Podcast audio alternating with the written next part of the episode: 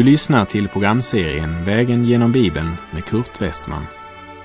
Programmet produceras av Norea Radio Sverige. Vi befinner oss nu i Filipperbrevet. Slå gärna upp din bibel och följ med. I förra programmet så gav jag en liten introduktion till Filipperbrevet. Och vi betraktade den första versen där Paulus skriver att brevet kommer från Paulus och Timoteus, som båda är Jesu Kristi tjänare. Brevet är adresserat till alla de heliga i Kristus Jesus som bor i Filippi, plus församlingsledarna och församlingstjänarna. Vi läser Filipperbrevet 1, vers 2. Nåd vare med er och frid från Gud vår Fader och Herren Jesus Kristus. Nåd vare med er och frid. Det är en hälsning som återkommer i alla Paulus brev eftersom det är en del av Paulus vardag. Det är en verklighet som han dagligen lever i. Och det var en hälsning som samtidigt var en bön för församlingen. Nåd var hälsningsordet i den grekiska världen. Och det grekiska ord som översatts med nåd är ordet karis. Om du på Paulus tid hade gått omkring på Atens gator, då hade du hört den här hälsningen när folk möttes på gatan. Ungefär som vi säger god dag eller hej. Men här fylls detta ord med ett kristet innehåll. Men förutom ordet nåd tillägger Paulus också ordet frid. Frid är den hebreiska hälsningsordet shalom och den kristna förståelsen av ordet bygger på att Gud i Kristus har försonat världen med sig själv. I Kristus är fiendskapet borttaget. Frid har därför endast den som tillhör Jesus. Paulus hälsning är därför en önskan om att deras relation till Gud ska vara levande, att de ska ha både nåd och frid. Ordet nåd kom alltså från den grekiska världen. Ordet frid kom från den religiösa världen och var den vanliga hälsningen bland Guds egendomsfolk Israel. Jerusalem betyder egentligen fridens stad, Jerusalem. Men det är inte någon fridens stad idag men ett horn i sidan för hela världen och ingen vet vad man ska göra åt saken. Det blir ingen frid eller fred i Jerusalem förrän fridsförsten kommer i ära, makt och härlighet för att härska över allt. Ändå finns det en frid och det är den frid som genom Guds nåd kommer till var och en som i tro öppnar sitt hjärta för Jesus.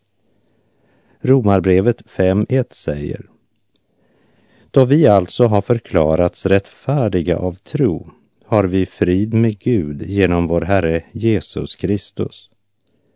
Och detta är den frid som en syndare kan ha med den helige Gud därför att Kristus dog för oss, betalade vår syndaskuld led straffet för våra synder och nu kan Gud frälsa oss genom sin gränslösa nåd i Kristus.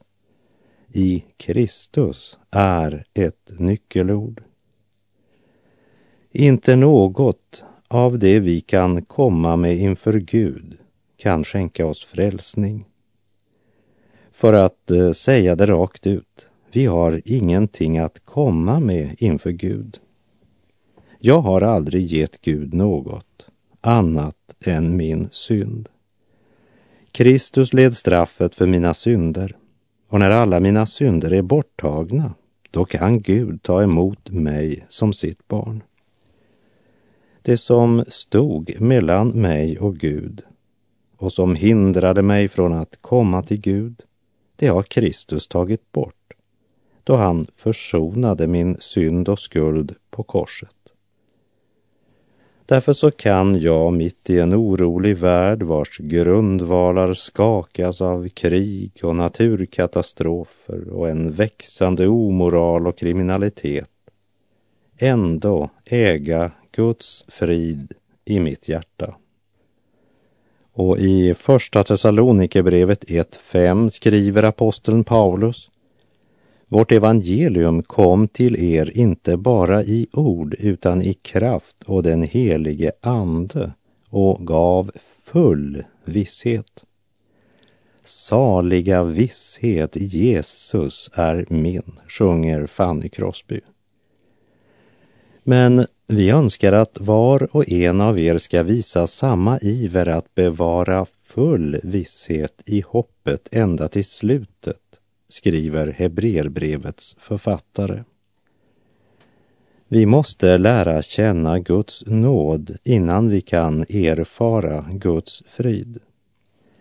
Vi ser av vers 2 att Paulus säger att denna nåd och frid kommer från Gud, vår Fader och Herren Jesus Kristus.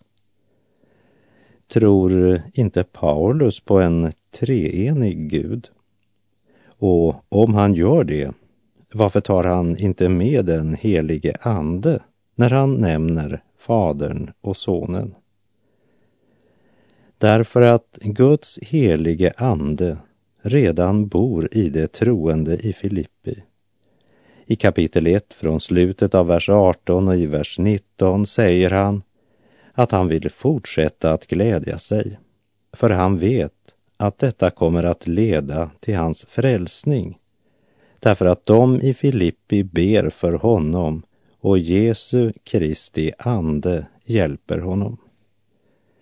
Och kapitel 2 börjar med orden Om ni nu har tröst hos Kristus, uppmuntran av hans kärlek och gemenskap i anden Paulus vet att Guds helige ande redan genom tron bor i deras hjärtan. Därför hälsar han helt korrekt nåd vare med er och frid från Gud vår fader och Herren Jesus Kristus. Paulus vet vad han talar om. Han har inte bara studerat skrifterna och fått stor teoretisk kunskap, men han har haft ett personligt möte med den uppståndne Kristus. Och därför är Paulus kristendom inte en bok under armen, men en levande ström som flyter fram i hans inre. Det är det Jesus uttrycker så här i Johannes 7, vers 38 och 39. Den som tror på mig Ur hans innersta ska strömmar av levande vatten flyta fram, som skriften säger. Detta sade han om anden som de skulle få som trodde på honom. Därför förkunnar också Paulus, vårt evangelium kom till er, inte bara i ord, utan i kraft och den helige Ande. Och det är i denna kraft han hälsar de troende i Filippi med orden Nåd vare med er och frid från Gud, vår Fader och Herren Jesus Kristus.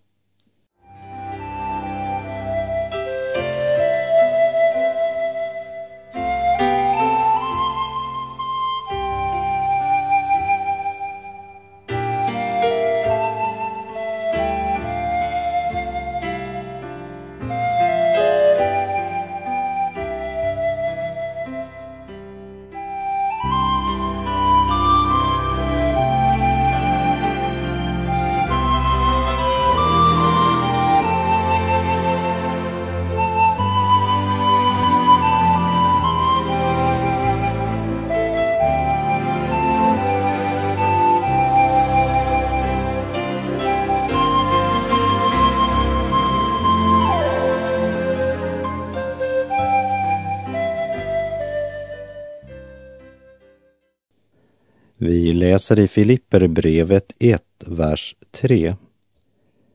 Jag tackar min Gud var gång jag tänker på er. Känner du hur dessa ord tränger genom märg och ben? Jag blir helt varm. Halleluja, lovad vare Gud. Tänk vilken relation. Tänk vilken relation Paulus har till de troende i Filippi. Det är inte en liten utvald klicka församlingen han skriver till, men till alla de troende i Filippi, hela församlingen. Och det är den relation som borde råda mellan de troende idag och speciellt mellan präst eller pastor och den församling där Gud har kallat dem att vara församlingens tjänare. Varje gång Paulus hörde Filippi nämnas så tackade Paulus Gud för de troende i Filippi. Det är underbart att tänka på. Jag tackar min Gud var gång jag tänker på er. Och så fortsätter han i Filipperbrevet 1.4. Så ofta jag ber för er alla gör jag det alltid med glädje. Alltid, inte bara ibland. Han tackade Gud var gång han tänkte på sina troende bröder och systrar i Filippi och så ofta han bad för dem gjorde han det alltid med glädje. Och lägg märke till att han säger för er alla. Alla som genom tron blivit lemmar på Kristi kropp i den lokala församlingen i Filippi skriver han till. Han inkluderar alla. I brevets sista kapitel förmanar han Evodia och Syntyke att vara eniga i Herren. Därför är han också i början av brevet ivrig att påpeka att han tackar Gud för alla de troende i Filippi. Han tackar Gud även för Evodia och Syntyke. Men det betyder inte att han ser mellan fingrarna med sådant som det är hans ansvar att påpeka. Men han låter dem också veta att han alltid ber för dem med glädje. Det är ganska fantastiskt egentligen när man tänker på var han befinner sig när han skriver brevet. Han sitter fängslad i Rom med en mänskligt sett helt osäker framtid. Men eh, även om ordet glädje ofta förekommer i Filipperbrevet så är det något som nämns oftare och det är namnet Jesus Kristus. För det är på Kristus Paulus bygger sin glädje.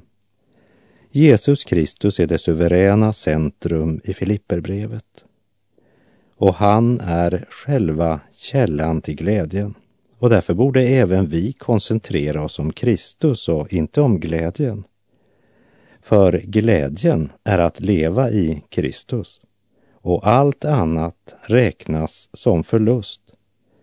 För den människa som har funnit det som är långt mer värt, nämligen kunskapen om Kristus, Jesus, vår Herre. Och den som har fått Kristus uppenbarad för sitt hjärta kan sjunga med salmisten i den 87 saltarsalmens sjunde vers. Alla mina källor är i dig. Det är den personliga gemenskapen med Jesus som skänker glädje i den troendes liv.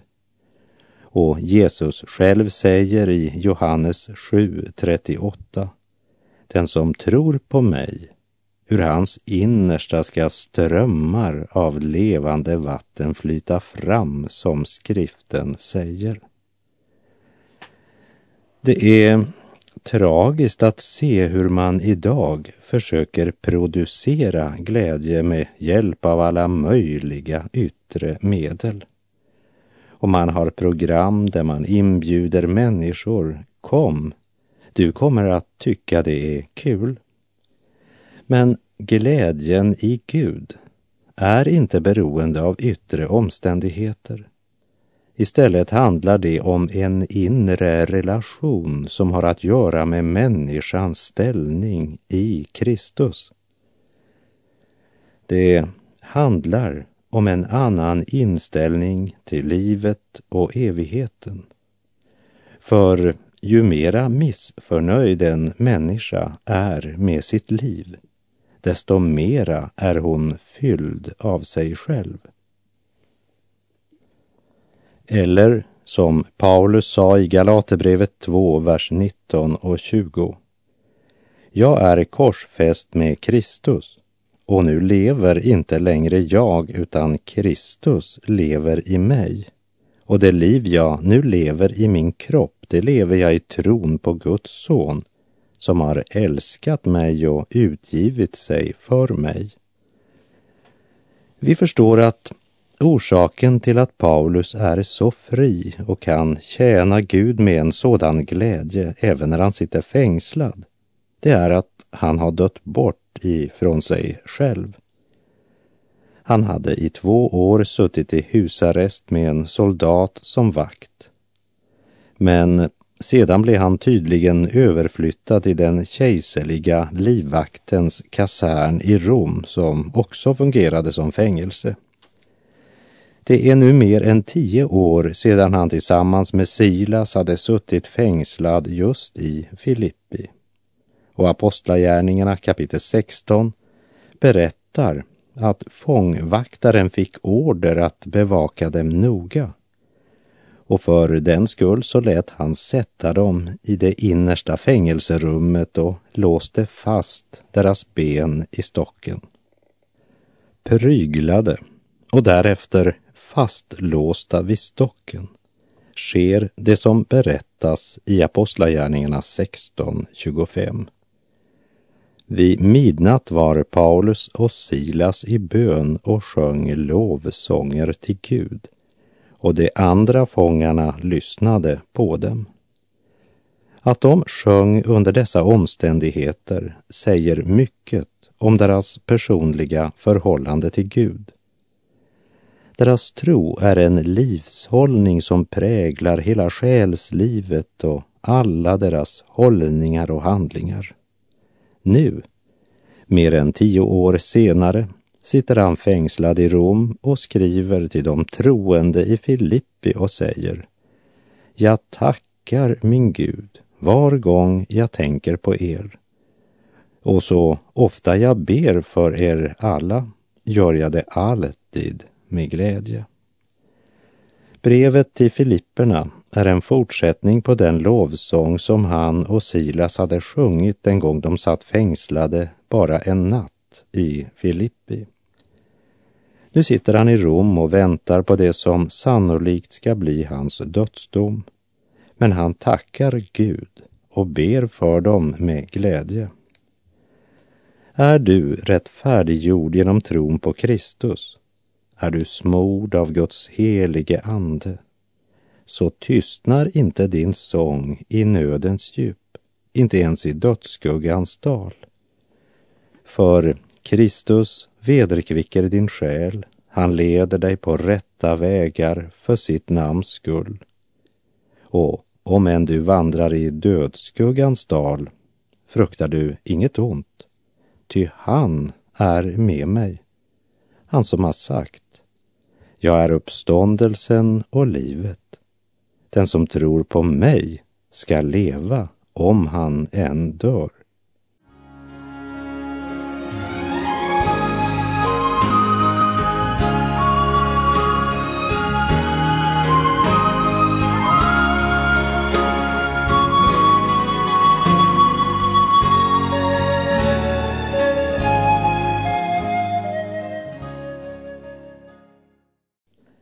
Paulus sa att så ofta han bad för alla de troende i Filippi så gjorde han det alltid med glädje. Och i Filipperbrevet 1.5 säger han att en av orsakerna till hans glädje var att de hade varit med i arbetet för evangeliet från första dagen och ända till nu. Och vi läser även vers 6. Jag är övertygad om att han som har börjat ett gott verk i er också ska fullborda det intill Jesu Kristi dag. De människor som Paulus hade vunnit för Gud